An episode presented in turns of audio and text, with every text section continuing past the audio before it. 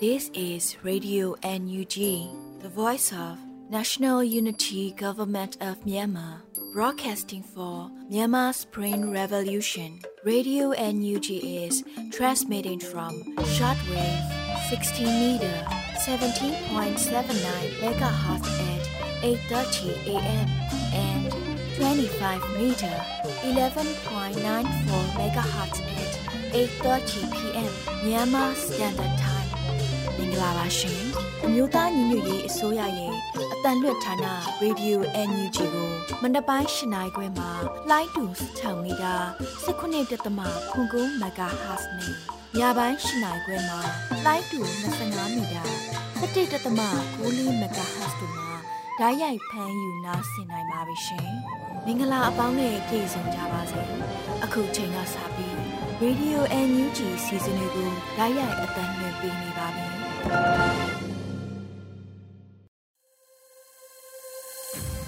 မြန်မာနိုင်ငံသူနိုင်ငံသားအပေါင်းတဘာဝပြီးဆရာနာရှင်ပြီးတို့ကနေကင်းဝေးပြီးကိုစိတ်နှပါဘေးကင်းလုံးကြုံကြပါစေလို့ရေဒီယိုညူချီဖွဲ့သားများကဆုတောင်းမြတ်တာပို့သလိုက်ရပါတယ်ရှင်။အခုချိန်ကစပြီးကာဝေးဝင်ကြီးဌာနရဲ့စီရေးသတင်းချင်းချုပ်ကိုတော့ရေဦးလင်ကမှဖတ်ကြားတင်ပြပေးပါတော့မယ်ရှင်။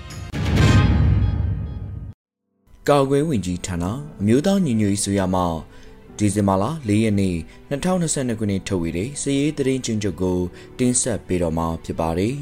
။စစ်ကောင်စီတပ်သား25ဦးသေဆုံးပြီးဒဏ်ရာရရှိသူရေအတွက်ကိုစုံစမ်းနေဆဲဖြစ်ကြောင်းသတင်းရရှိပါရခင်ဗျာ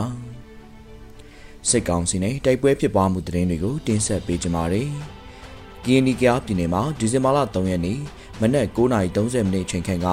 ဒီမော့ဆိုမြို့နယ်ဒုံကမီရွာမှာ အင်အားအလုံးကြီးနဲ့စစ်ကြောင်းထိုးလာတဲ့စစ်ကောင်စီတပ်များနဲ့ KNDF B01 B05 B06 B07 B09 နဲ့ K ပူပေါင်းတပ်များကတနေကုန်ဒီပါတိုက်ပွဲဖြစ်ပွားခဲ့ရာ၎င်းတို့ရဲ့ဒီမော့ဆိုခြေဆိုင်တပ်များမှလက်နက်ကြီးများနဲ့အစမတန်ပစ်ကူပေးခဲ့တဲ့အပြင်ညနေပိုင်းမှာတိုက်လေရင်နဲ့၃ချိန်လာရောက်ပုံကျဲတိုက်ခိုက်ခဲ့ပြီးဒီဇင်ဘာလ3ရက်နေ့မနက်9:00နာရီခန့်က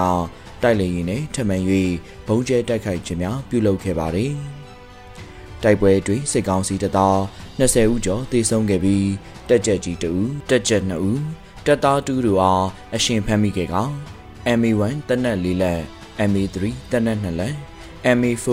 79တွဲတလက် MG3 အမျိုးအစားငကြင်းကြီးတလက် RPG တလက်60မမစိန်ပြောင်း2ပြောင်းကွန်ပျူတာတစ်လုံးဖုန်းချိုနဲ့ခဲယမ်းပစ္စည်းများ အတုံးဆောင်ချို့တို့အားတင်ဆက်ရမိခဲ့ပါတယ်။စစ်ကြောင်းထိုးလာတဲ့တရင်မှာတက်မ66လောက်ခန့်ခမာယာ108ဒနုဖြူခြေဆိုင်တရင်ဖြစ်ပြီးအဆိုပါတရင်မှာ2021ခုနှစ်ဒီဇင်ဘာလ24ရက်နေ့ကဘရူဆိုမြို့နယ်မိုးဆူကျွော်နေရှိအပြစ်မဲ့ပြည်သူ40ကျော်အားမိရှို့တပ်ဖြတ်ခဲ့တဲ့စစ်ရာဇဝတ်မှုအောင်ကျူးလွန်ရမှာပါဝင်ခဲ့တဲ့တရင်ဖြစ်ကြောင်းသတင်းရရှိပါရခင်ဗျာ။ မန္တလေးတိုင်းမှာဒီဇင်ဘာလ2ရက်နေ့နေ့လယ်2:50မိနစ်ချိန်ခန့်ကပြည်ဦးလင်မြို့နယ်ပြည်ဦးလင်တလန်တမတော်ရွာနယ်တန်းစင်ကုန်းကြီးရွာကြားအောင်ပင်လေတိုးဂိတ်မှာစစ်ကောင်စီကားတစ်စီးအောင် NGU FF MTY ဖွဲ့မှမိုင်းဆွဲတိုက်ခိုက်ခဲ့ရာအဆိုပါကားနေရာမှာပင်ထိုးရက်သွားခဲ့ပြီးစစ်ကောင်စီတပ်သား2ဦးသေဆုံးခဲ့ကြောင်းသတင်းရရှိပါရခင်ဗျာ။ မကွေးတိုင်းမှာဒီဇင်ဘာလ2ရက်နေ့မနက်9:30မိနစ်ချိန်ခန့်ကကံကောမြို့နယ်မင်းရွာမြောက်ဘက်လမ်းပိုင်းတနေရာမှာကံကောမြို့ခလာရ90အတွင်းမှာထွက်လာတဲ့အင်အား90ခန့်ပါစစ်ကောင်စီစစ်ကြောင်းအားဒေသကာကွယ်တပ်ဖွဲ့ဝင်များကလက်နက်ကြီးနဲ့ပစ်ခတ်တိုက်ခိုက်ခဲ့ရာစစ်ကောင်စီဘက်မှ60မမ40မမတို့နဲ့ပြန်လည်ပစ်ခတ်ခဲ့တဲ့အတွက်ကြောင့်ဒေသကာကွယ်တပ်ဖွဲ့ဝင်တူလက်နက်ကြီးကြီးစားထိမှန်ကဒဏ်ရာရရှိခဲ့ကြောင်းသတင်းရရှိပါရခင်ဗျာ။ ဒီဇင်ဘာလ2ရက်နေ့ည9:00နာရီခန့်ကတောင်ငူခရိုင်ရေတာရှိမြို့နယ်ရန်ကုန်မန္တလေးကားလမ်းဘေးရှိညောင်ပင်သာကွေ့၌ညကင်းဆောင်ရန်လာတဲ့စစ်ကောင်စီတပ်ဖွဲ့ကိုတောင်ငူခရိုင် PDF တပ်ရင်3500တီတက်ခွဲလေးဒေါင်းမင်းသားမြို့ပြ UG ဖွဲ့ကနန်းထက်အောင်စစ်စင်ရေးဖြင့်မိုင်းခွဲတိုက်ခိုက်ခဲ့ပြီးစစ်ကောင်စီတပ်သား2ဦးနဲ့ပြူစောတိ2ဦးထိခိုက်ဒေဆုံးခဲ့ပြီးထိခိုက်ဒဏ်ရာရရှိသူများရှိခဲ့ကြောင်းသတင်းရရှိပါရခင်ဗျာ။ ဆက်လက်ပြီးစစ်ကောင်စီကကျူးလွန်တဲ့ရာဇဝတ်မှုတွေကိုတင်ဆက်ပေးကြပါမယ်။မွန်ပြည်နယ်မှာဒီဇင်ဘာလ2ရက်နေ့ညပိုင်းကကြိုက်ထူမြို့နယ်ကြိုက်ထူမြို့မှာမြို့ကန်စီးပွားရေးလုပ်ငန်းရှင်လေးဦးကို PDF များထောက်ပံ့သူဆိုကစစ်ကောင်စီတပ်များက၎င်းတို့ရဲ့နေများ၌ဆွတ်ဆွဲဖမ်းဆီးသွားခဲ့ကြောင်းသတင်းရရှိပါရခင်ဗျာ။ ဒစကိုင်းတိုင်းမှာနိုဝင်ဘာလ3ရက်နေ့ညနေ4:40မိနစ်ချိန်ခန့်ကထီချိုင်မြို့နယ်တကွတ်ချောင်ကျွော်သို့စစ်ကောင်စီတပ်သားများဝင်ရောက်ခဲ့ပြီးနေအိမ်များကိုမိရှို့ဖျက်ဆီးခဲ့ကြောင်းသတင်းရရှိပါရခင်ဗျာမကွေးတိုင်းမှာဒီဇင်ဘာလ2ရက်နေ့မနက်8:35မိနစ်ချိန်ခန့်ကထီလင်းမြို့နယ်ထီလင်းမြို့တောင်ဘက်အောင်မြင်ရွာအနီးသို့ရောက်ရှိနေတဲ့အင်အား109ဦးခန့်ပါစစ်ကောင်စီစစ်ကြောင်းကအောင်မြင်ကျွော်အတွင်းမှာအများပြည်သူပိုင်းကျဲဝက်များအား ဖမ်းဆီးတပ်ဖြတ်စားတောက်ခဲ့ကယာယီစကန်ချနားနေခဲ့ကြောင်းသတင်းရရှိပါရခင်ဗျာရန်ကုန်တိုင်းမှာဒီဇင်ဘာလ၄ရက်နေ့ကလှိုင်းမြို့နယ်ဆယ်ရက်ကွယ်ခပောင်းအိမ်ယာဝင်းကြီးကိုစစ်ကောင်စီဖွဲ့ဝင်များအဲစင်းစစ်ဆေးခဲ့ရမှာအသက်50အရွယ်အမျိုးသားနှုတ်အားဖမ်းဆီးသွားခဲ့ကြောင်းသတင်းရရှိပါရခင်ဗျာ ဒီဇင်ဘာလ3ရက်နေ့ည9:30မိနစ်ချိန်ခန့်ကတွန်တေးမြို့နယ်ကုန်းချင်ရက်ကွက်လေပိုင်းမှာပြည်သူတူကိုစစ်ကောင်စီဖွဲ့ဝင်များကဖမ်းဆီးသွားခဲ့ကြောင်းသတင်းရရှိပါရခင်ဗျာ။ပဲခူးတိုင်းမှာဒီဇင်ဘာလ2ရက်နေ့ညနေပိုင်းကကော်တူလေးအုပ်ချုပ်နေပြီခလဲလူတူညောင်လေးပင်ခရိုင်တက်မဟာ3တွင်ရှိစော်တဲခီကျွော်အုပ်စုကီဟီဂျေကျွော်တွင်သို့လေကြောင်းတိုက်ခိုက်မှုနှစ်ကြိမ်လေဝါကျွော်အုပ်စုလေဝါကျွော်တွင်သို့လေကြောင်းတိုက်ခိုက်မှုတစ်ကြိမ် လေတူကြောက်ကြီးမြို့နယ်ကွီလာကျွော်တွင်သို့လေကြောင်းတိုက်ခိုက်မှုတစ်ကြိမ်စုစုပေါင်း၄ကြိမ်ပြုလုပ်ခဲ့ပြီးလေကြောင်းတိုက်ခိုက်မှုကြောင့်ပြည်သူလူထုများထိခိုက်ဒဏ်ရာရရှိမှုမရှိတော့လေထိတ်လန့်ကြောက်ရွံ့ပြီးဘေးလွတ်ရာသို့ထွက်ပြေးတိမ်းရှောင်နေကြရပါတယ်။ဒီဇင်ဘာလ3ရက်နေ့မနက်အစောပိုင်းမှာလေကြောင်းတိုက်ခိုက်မှုအပြင်ဇလုတ်ကြီးကျွော်တွင်သို့ခမာယာ998တက်ကလက်နက်ကြီးလက်နက်ငယ်များနဲ့ထပ်မံပစ်ခတ်ခဲ့ပြီး စစ်ကောင်စီတပ်ကရင်းကျေးရွာတွေသို့လက်နက်ကြီးများနဲ့ထပ်မံပစ်ခတ်ခဲ့ကြောင်းသတင်းရရှိပါရခင်ဗျာယခုတင်ဆက်သွားတဲ့သတင်းတွေကိုမြေပြင်သတင်းတာဝန်ခင်များနဲ့သတင်းဌာနတွေမှာဖော်ပြလာတဲ့အချက်လက်တွေပေါ်အခြေခံပြုစုထားခြင်းဖြစ်ပါတယ်ကျွန်တော်ကတော့ຫນွေဦးလင်ပါ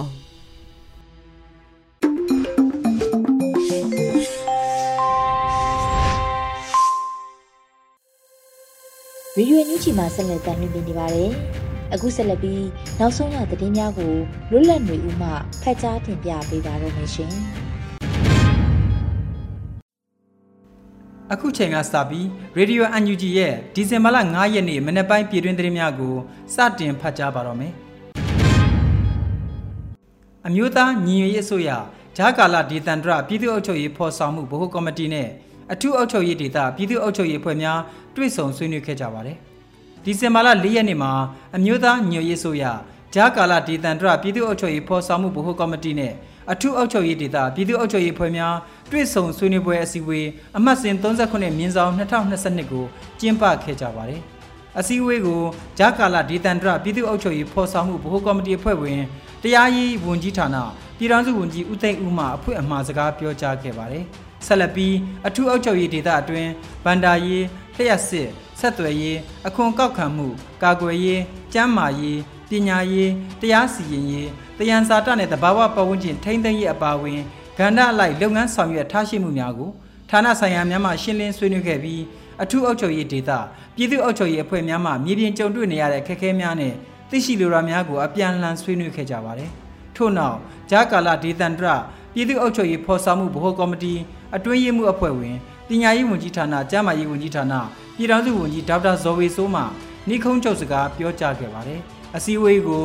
အထူးအုပ်ချုပ်ရေးဒေသမှပြည်သူ့အုပ်ချုပ်ရေးအဖွဲ့ခေါင်းဆောင်များအဖွဲ့ဝင်များနဲ့သက်ဆိုင်ရာဝန်ကြီးဌာနများမှပြည်ထောင်စုဝန်ကြီးများဒုဝန်ကြီးများအမြဲတမ်းအတွင်းဝန်များညွှန်ကြားရေးမှူးချုပ်များညွှန်ကြားရေးမှူးများတက်ရောက်ခဲ့ကြတယ်လို့သိရှိရပါတယ်ခင်ဗျာအကြမ်းဖက်စစ်ကောင်စီရဲ့လူအခွင့်အရေးချိုးဖောက်မှုတွေကိုမတန်ဆွမ်းပြည်သူများအပါအဝင် ပြည်သူတရလုံးကြုံတွေ့ခံစားနေရတယ်လို့ တန်မတ်ကြီးဦးကျော်မှုထုံးကပြောပါတယ်။ဒီဇင်ဘာလအတွင်းမှာကျင်းပတဲ့မတန်ဆွမ်းသူများအခွင့်အရေးဆိုင်ရာအခမ်းအနားတစ်ခုမှာကုလသမဂ္ဂမြန်မာနိုင်ငံဆိုင်ရာတန်မတ်ကြီးဦးကျော်မှုထုံးကပြောဆိုလိုက်ပါတယ်။မြန်မာနိုင်ငံမှာအယက်သားအစိုးရလက်ထက်ကမတန်ဆွမ်းသူများရဲ့အခွင့်အရေးကိုအတိုင်းအတာတစ်ခုထိကာကွယ်ဆောက်ရှောက်နိုင်တော်လဲယခုအကြမ်းဖက်စစ်ကောင်စီရဲ့လူခွင့်ရေးချိုးဖောက်မှုတွေကိုမတန်ဆွမ်းပြည်သူများအပါအဝင်ပြည်သူတရားလုံးကြုံတွေ့ခံစားနေကြရတာဖြစ်ပါတယ်လို့တာမတ်ကြီးကဆိုပါတယ် လက်ရှိမှာအကြမ်းဖက်စစ်တပ်တပ်ဖြတ်ထားတဲ့လူပေါင်း2000ကျော်မှာမတန်ဆွမ်းသူများလည်းပါဝင်တယ်လို့သိရပါတယ်ခင်ဗျာထောင်သွင်းအချင်းချခံရသူတို့နဲ့အတူတူရှိပေးကြဖို့ဒုဝန်ကြီးမော်ထွန်းအောင်ကတိုက်တွန်းလိုက်ပါတယ်ဒီဇင်ဘာလအတွင်းမှာလူငယ်တော်လိုင်းသမားများနဲ့ပတ်သက်လို့ဒုဝန်ကြီးမော်ထွန်းအောင်ကအခုလိုပြောဆိုလိုက်ပါတယ်ထောင်သွင်းအကျဉ်းချခံရသူတို့နဲ့အတူတူရှိပေးကြပါလို့ဒုဝန်ကြီးကပြောဆိုပါတယ်2021ခုနှစ်အာဏာသိမ်းချိန်မှ 2022ခုနှစ်ဒီဇင်ဘာလ2ရက်နေ့ထိတိုင်ဖမ်းဆီးချုပ်နှောင်ခံထားရသူစုစုပေါင်း13040ဦးရှိပြီး၎င်းတို့နဲ့မှ1680ဦးမှာထောင်ဒဏ်ချမှတ်ခြင်းခံထားရတာဖြစ်ပါတယ်စစ်ကောင်စီတပ်များဟာ၎င်းတို့အလို့ရှိသူများကိုနေအိမ်ထဲဝင်ရောက်၍အကြမ်းဖက်ဖမ်းဆီးတပ်ဖြတ်မှုများလှုပ်ဆောင်နေစေဖြစ်ပါတယ်ခင်ဗျာ တမူးမြို့နယ်မှာဒလန်ဆိုပြီးအမျိုးသမီးငယ်တူကိုတပ်ဖြတ်ထားတဲ့ဖြစ်စဉ်ဟာလက်ခံနိုင်စရာမရှိဘူးလို့အမျိုးသားညီရေးအစိုးရကပြောဆိုလိုက်ပါတယ်။တမူးမြို့နယ်မှာဒလန်ဆိုပြီးအမျိုးသမီးငယ်တူကိုတပ်ဖြတ်ခဲ့တဲ့ဖြစ်စဉ်ဟာလက်ခံနိုင်စရာမရှိဘူးဆိုတဲ့အကြောင်းတမရယုံပြောရေးဆိုခွင့်ရှိသူဦးကျော်စောကပြောပါတယ်။ဒီဇင်ဘာလအတွင်းသတင်းဌာနတစ်ခုကိုတမရယုံပြောရေးဆိုခွင့်ရှိသူဦးကျော်စောကပြောဆိုလိုက်တာပါ။ကျူးလွန်မှုကလက်ခံနိုင်စရာမရှိဘူး ကာကွယ်ရေးဝန်ကြီးဌာနကစုံစမ်းစစ်ဆေးမှုတွေချက်ချင်းဆောင်ရွက်နေတယ်ဗီဒီယိုမှာပြန့်နှံ့နေသလို UNG လက်အောက်ခံပြည်သူ့ကာကွယ်ရေးတပ်ဖွဲ့တပ်ရင်းလေးလက်အောက်ခံတပ်သားတွေဟုတ်မဟုတ်ဆိုတာစုံစမ်းစစ်ဆေးရမယ်အဲ့ဒီလူတွေကိုထိမ့်သိမ့်ဖို့ဆောင်ရွက်ရမယ်တရားဥပဒေတိုင်းအရေးယူဆောင်ရွက်မယ်လို့ဆိုပါတယ်တမူးမြို့နယ်ရဲ့လူသွားလမ်းမကြီးတနေရာမှာအမျိုးသမီးငယ်ကိုကာကွယ်ရေးတပ်ဖွဲ့ယူနီဖောင်းဝတ်လူငယ်များကလက်ထိတ်ခတ်ကရက်နှက်ခဲ့ပြီးတနက်နဲ့ပြစ်တက်ခဲ့တဲ့ရုပ်သံဟာဆိုရှယ်မီဒီယာမှာပြန့်နှံ့နေခဲ့တာဖြစ်ပါတယ်ခင်ဗျာ ဒီဇင်ဘာလအတွင်းဘုံဝယ်ယူကြတဲ့လူထုများကိုအမျိုးသားဖက်ဒရယ်ကောင်စီ PNFC ဥက္ကဋ္ဌကြီးရဲ့ကျေးဇူးတင်ဂုဏ်ပြုအမှားစကားပို့စကတ်များပေးပို့မယ်လို့သိရပါတယ်။ဒီဇင်ဘာလ၄ရက်နေ့မှာ United Bond ကအခုလိုအသိပေးပြောဆိုထားပါတယ်။ယခုလဒီဇင်ဘာလအတွင်းမှာဘုံဝယ်ယူကြတဲ့ပြည်သူလူထုများကိုကျေးဇူးတုတ်ပြန်တဲ့အနေနဲ့အချမ်းဖက်စစ်ကောင်စီကိုအတူတူလက်တွဲတော်လှန်နေကြတဲ့သွေးချင်းညီနောင်ပအို့တိုင်းရင်းသားတို့ကိုစားပအို့အမျိုးသားဖက်ဒရယ်ကောင်စီ PNFC ဥက္ကဋ္ဌကြီးရဲ့ကျေးဇူးတင်ကွန်ပျူအမှားစကားရေးထိုးထားတဲ့အထိတ်မှပို့စကတ်လေးတစ်ခုကိုပေးပို့သွားမှာဖြစ်တယ်လို့ဆိုပါတယ်။ငွေတိုက်စာချုပ်ရောင်းရငွေတွေကိုစစ်အာဏာရှင်လက်အောက်ကလွတ်မြောက်ရေးအတွက်အတူတူလက်တွဲပြီးတိုက်ပွဲဝင်နေကြတဲ့ UNG နဲ့မဟာမိတ်တိုင်းသားတော်လှန်ရေးအဖွဲ့တွေကမျှဝေသုံးစွဲကြတာဖြစ်ပါတယ်ခင်ဗျာ။ဘာလင်မြို့ဂျာမန်ယူရာခရစ်စမတ်ဈေးခင်းတစ်ခုမှာဘာလင်မြို့ကတော်လှန်ရေးမိသားစုဝင်များက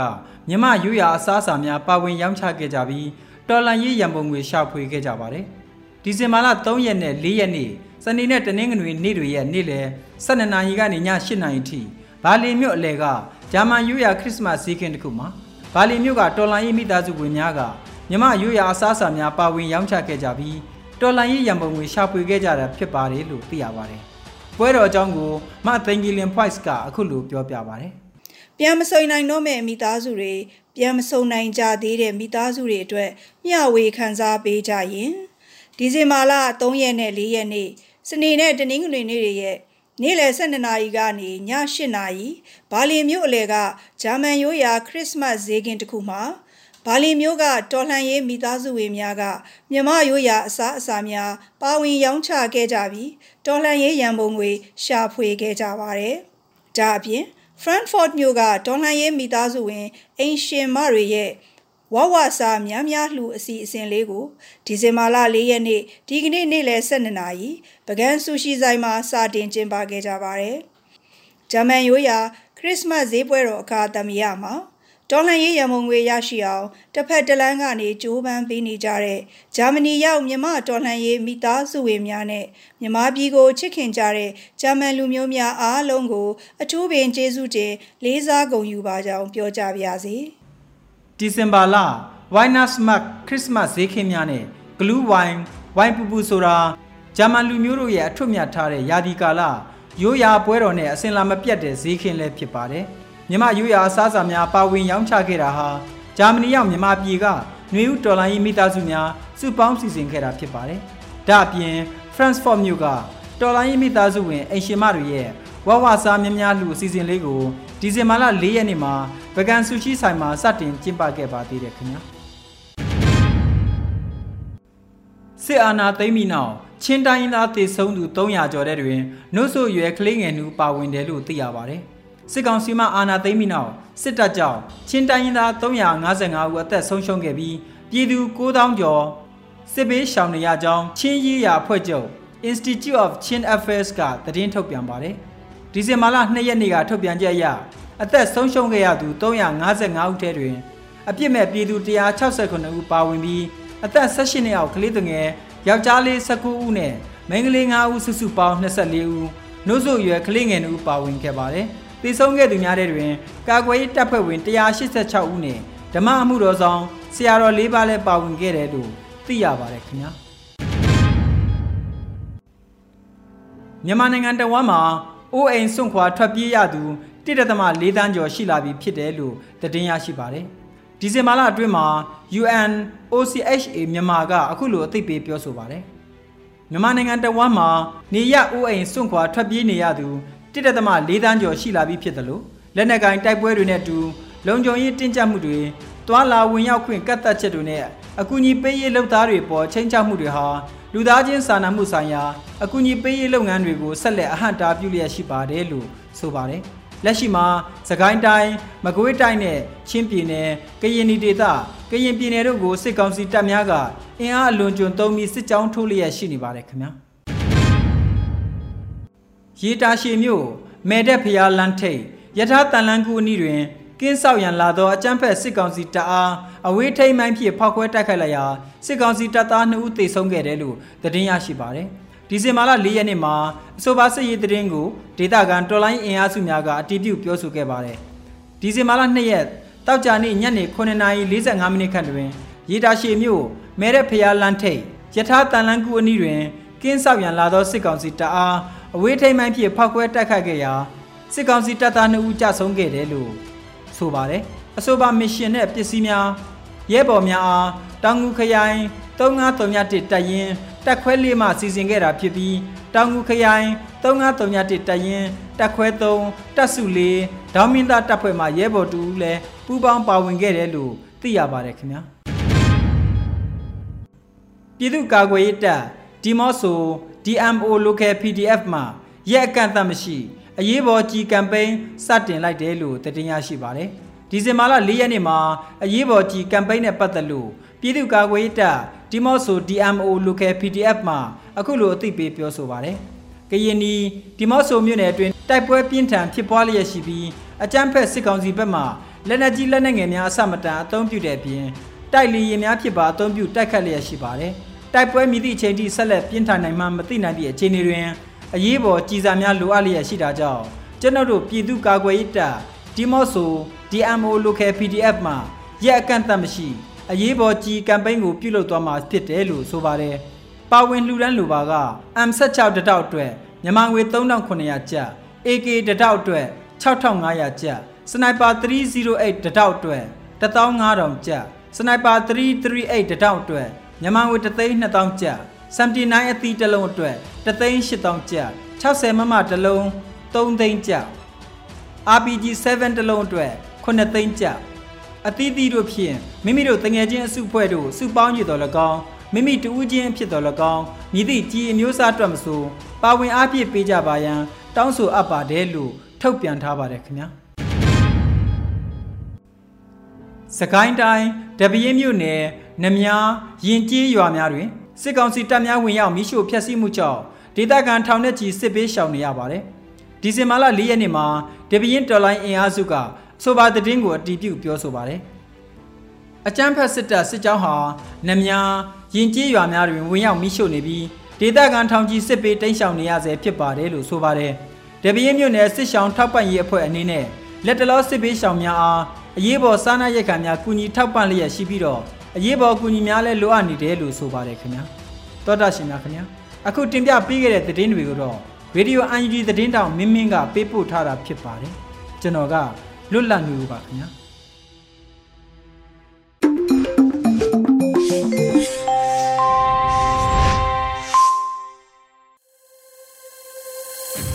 ဗီဒီယိုအန်ယူချီရဲ့မနက်ခင်းစီစဉ်တွေကိုဆက်လက်တင်ပြနေပါတယ်။ ဒီနေ့ရဲ့တော်လှန်ရေးကြပြအစီအစဉ်မှာတော့ရဲတက်ချက် CDM ငိမ့်ချမ်းဦးရဲ့ရန်ငါလို့အမည်ရတဲ့တော်လှန်ရေးကြပြကိုနားဆင်ကြရတော့မှာဖြစ်ပါတယ်ရှင်။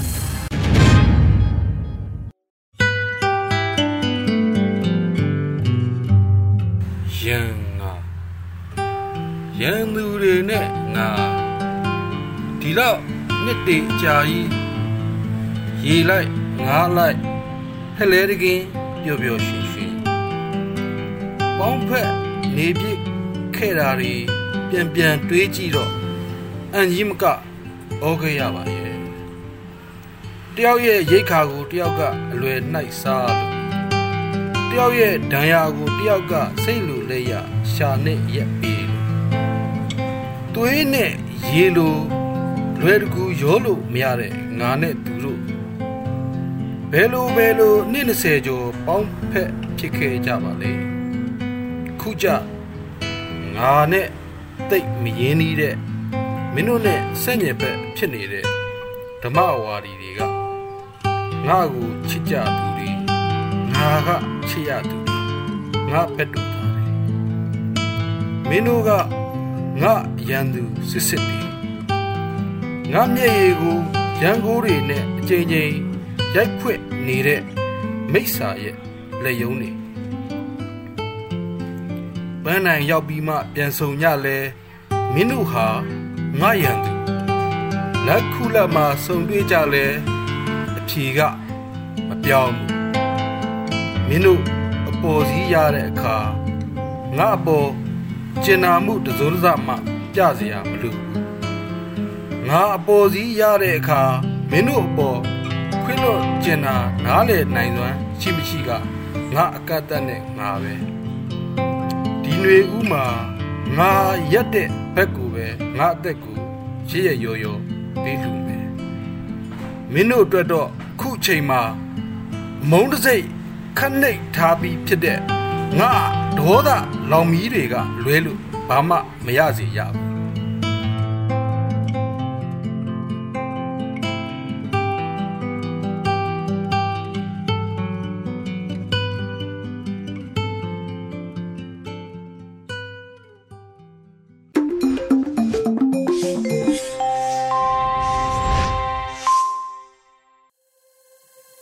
ရေဒီယိုအန်ယူဂျီပရိသတ်တွေကိုဘူးဆက်လက်ပြီးထုတ်လွှင့်ပေးမှာကတော့ပြည်သူခုခံစစ်တရင်များဖြစ်ပါတယ်။ကြော်မြွေဦးမှဖတ်ကြားတင်ပြပေးပါမယ်ရှင်။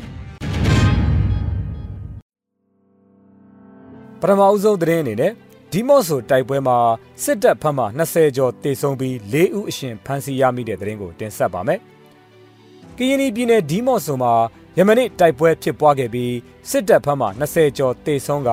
၄ဦးကိုအရှင်ဖမ်းဆီးရမိခဲ့ကလက်နက်17လက်ခဲယမ်းများသိမ်းဆည်းရမိကြောင်း KNDF ဗဟိုမှသတင်းနဲ့ပြန်ကြားရေးတာဝန်ရှိသူထံမှသိရပါဗျ။တနေကုန်နီးပါးကြာဖြစ်ပွားခဲ့တဲ့ထိတွေ့တိုက်ပွဲတွင်စစ်ကောင်စီဘက်မှ20ဦးကျော်တေဆုံးခဲ့ကြောင်းတက်ကြက်ကြီး2ဦးတက်ကြက်2ဦးတက်သား2ဦးစုစုပေါင်း4ဦးကိုအရှင်ဖမ်းဆီးရမိခဲ့ကြောင်း MA1 တနက်4လက် MA3 တနက်2လက် MA479 တွဲတလက် MG3 အမျိုးအစားငကြင်းမီတလက် RPG တလက်60မမစိန်ပြောင်း2ပြောင်းကွန်ပျူတာတစ်လုံးဖုန်းအချို့နဲ့ခဲယမ်းပစ္စည်းများအတုံးဆောင်အချို့တို့ကိုတင်စီရမိခဲ့ကြောင်းသိရှိရပါတယ်။ဒီဇင်ဘာလ3ရက်နေ့နနက်9:00နာရီခွဲအချိန်မှစပြီးဒီမော့ဆိုမြို့နယ်ဒေါဂမီကျေးရွာဘက်သို့စစ်တပ်ဘက်ကအင်အားအလုံးရင်းဖြင့်စစ်ကြောင်းထိုးလာတာကြောင့် KNDF B01 B05 B06 B07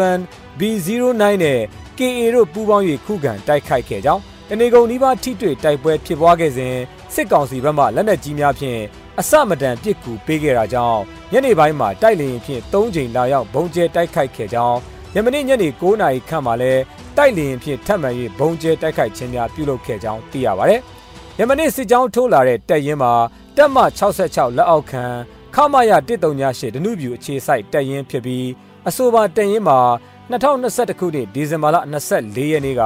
ဖရူဆိုမြို့နယ်မိုဆိုကျေးရွာအနီးအပြစ်မဲ့ပြည်သူ40ကျော်ကိုမိရှို့တပ်ဖြတ်ခဲ့တဲ့စစ်ရာဇဝတ်မှုကိုကျူးလွန်ရာတွင်ပါဝင်ခဲ့သောတပ်ရင်းဖြစ်ကြောင်းဖမ်းဆီးရမိတဲ့စစ်တုံးပန်း၄ဦးဟာပြည်သူ40ကျော်ကိုမိရှို့တပ်ဖြတ်မှုတွင်ပါဝင်ခြင်းရှိမရှိစစ်ဆေးအရေးယူမည်ဖြစ်ကြောင်း KNDF သတင်းနဲ့ပြန်ကြားရေးတာဝန်ရှိသူကရှင်းပြပါဗျ။ KNDF ကယခုတိုက်ပွဲတွင်ရရှိခဲ့သော အောင်မြင်မှုနဲ့လက်တုံ့ပြန်နိုင်ခဲ့မှုများဟာမိုဆိုကြီးရွာနီးစစ်ကောင်စီရဲ့တပ်မ66က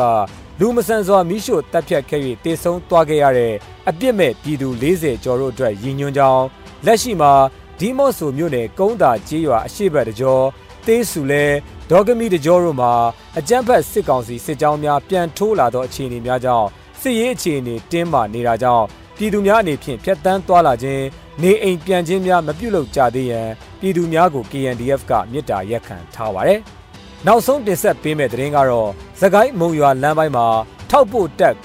629မိုင်းအကြိမ်များစွာဆွဲခံရပြီးစစ်သား18ဦးသေဆုံးတဲ့သတင်းဖြစ်ပါတယ်။သခိုင်းမုံရွာလမ်းပိုင်းမှာနိုဝင်ဘာလ25ရက်နေ့မှာထောက်ပို့တက်629ကရိတ်ခါနဲ့လက်နက်ခဲယမ်းများတည်ယူစဉ်အကြိမ်ကြိမ်မိုင်းဆွဲခံခဲ့ရပြီးစစ်သား18ဦးသေဆုံးက စစ်ကား3စီးလုံးဝပျက်စီးခဲ့ရကြောင်းအနောက်မြောက်တိုင်းစစ်ဌာနချုပ်သတင်းရင်းမြစ်ကအတည်ပြုပြောဆိုပါရယ်။နိုဝင်ဘာလ25ရက်နေ့သခိုင်းမြို့မှာမုံရွာမြို့သို့လက်နက်ခဲယမ်းများစံအပါဝင်ရိတ်ခါများကိုမုံရွာအခြေစိုက်ထောက်ပို့တက်629ကတွားရောက်တည်ယူရမှာလန်ခီးတစ်လျှောက်စစ်ရင်တန်းကိုအကြိမ်ကြိမ်မိုင်းဆွဲခံရကြောင်းအဲ့ဒီမိုင်းဆွဲမှုမှာစစ်ကား3စီးလုံးဝပျက်စီးခဲ့ရပြီး စစ်သား18ဦးသေဆုံးခဲ့ရကြောင်းစစ်ဘက်သတင်းရင်းမြစ်ထံကနေသိရတာပါပြည်သူ့ကာကွယ်တပ်ဖွဲ့များဘက်ကထုတ်ပြန်မှုတွေလည်းနိုဝင်ဘာလ25ရက်နေ့စကိုင်းဘက်မှမုံရွာသို့ထွက်ခွာလာတဲ့စစ်ရင်တန်းကိုတောက်လျှောက်မိုင်းဆွဲတိုက်ခိုက်ခဲ့ကြောင်းနေရီကန်နဲ့ငရှန်ကြားမှာမိုးကာများဖုံးအုပ်ထားတဲ့ပြည်သူ့ကားအယောင်ဆောင်ပြီးထွက်လာသောကား၅စီးကိုနေရာ၃နေရာခွဲ၍မိုင်းဆွဲတိုက်ခိုက်ခဲ့ပြီးစစ်သား9ဦးခန့်တေဆုံးကထိခိုက်ဒဏ်ရာရရှိသူများလည်းရှိကြောင်းသိရှိရပါတယ်ခင်ဗျာ။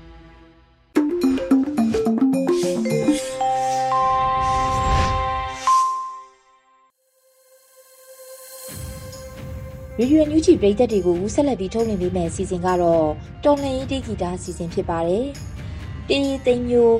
တေးဆူကိုတာကြီးနဲ့ဖွဲ့တီးဆိုထားတဲ့ရှင်တန်နေမယ်လို့အမည်ရတဲ့တော်လန်ရေးတေးဂီတာကိုနားဆင်ကြရတော့မှာဖြစ်ပါတယ်ရှင်။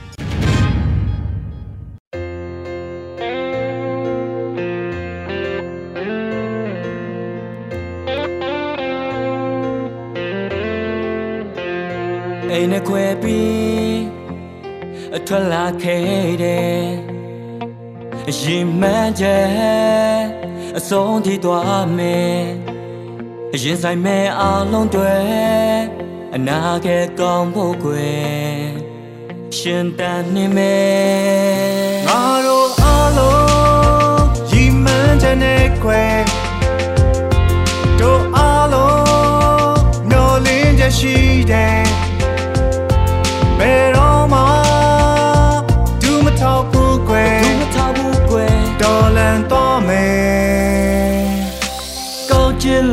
စိတ်ဓာတ်တွေနဲ့ကြည်ပြင်းခဲ့တဲ့သူဆုံးမခြင်းမရှိတဲ့ဒီလိုစာနာစိတ်မဲ့တဲ့သူ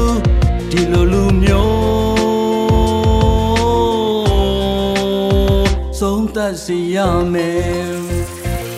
ရောင်နေဦးလေးဆက်တွေနဲ့တော်လန်ဖို့တည်ဖြစ်နေခဲ့မျိုးဦးရဲ့တွေ့တဲ့တွေနဲ့လေးစံကိုဖျက်ကြမယ်ခွဲခေါ်တော်ရဲ့မျိုးဆက်တွေနဲ့အောင်မြင်အောင်ဆုံးထိချီတတ်မယ်ဆောလခဲတဲ့သူရဲ့ကောင်းတို့ရဲ့စိတ်ဝညီနဲ့ငါတို့ရဲ့ရဲ့ရည်တဲ့တမနီလို့စိတ်တဲ့တွေနဲ့တွေ့ကြည့်တွဲမေတို့တဲ့သူစေဖို့လိုမယ်အမြင့်တဲ့အချိန်မှပြည့်မယ်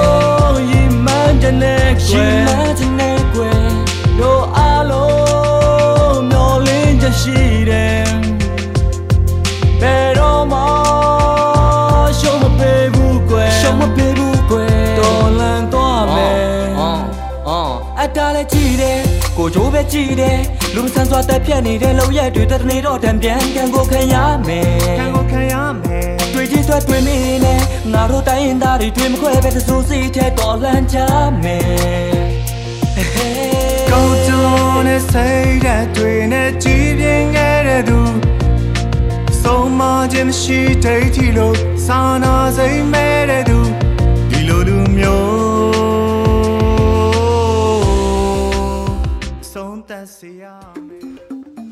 ကနေ့ကတော့ဒီညနေပဲ Radio NUG ရဲ့အစီအစဉ်လေးကိုခေတ္တရ延လိုက်ပါမယ်ရှင်မြန်မာစံတော်ချိန်မနေ့၈နိုင်ခွဲနဲ့ည၈နိုင်ခွဲအချိန်တွေမှာပြောင်းလဲဆိုပြကြပါလို့ရှင် Radio NUG ကိုမနေ့ပိုင်း၈နိုင်ခွဲမှာလိုင်းတူ16မီတာ19.7ခုကူမဂါဟတ်နဲ့ညပိုင်း၈နိုင်ခွဲမှာလိုင်းတူ25မီတာ17.6မဂါဟတ်တို့မှာဓာတ်ရိုက်ဖမ်းယူ နားဆင်နိုင်ပါပြီရှင်။မြန်မာနိုင်ငံသူနိုင်ငံသားများကိုစိတ်နှဖျားစမ်းမချမ်းသာလို့ဘေးကင်းလုံခြုံကြပါစေလို့ Radio NUG ရဲ့ဖွဲ့သူဖွဲ့သားများကဆုတောင်းလိုက်ရပါတယ်။ San Francisco Bay Area အခြေစိုက်မြန်မာမိသားစုများနဲ့နိုင်ငံတကာကစေတနာရှင်များလို့အားပေးကြရဲ့ Radio NUG ဖြစ်ပါတယ်ရှင်။အရေးတော်ပုံအောင်ရမည်ရှင်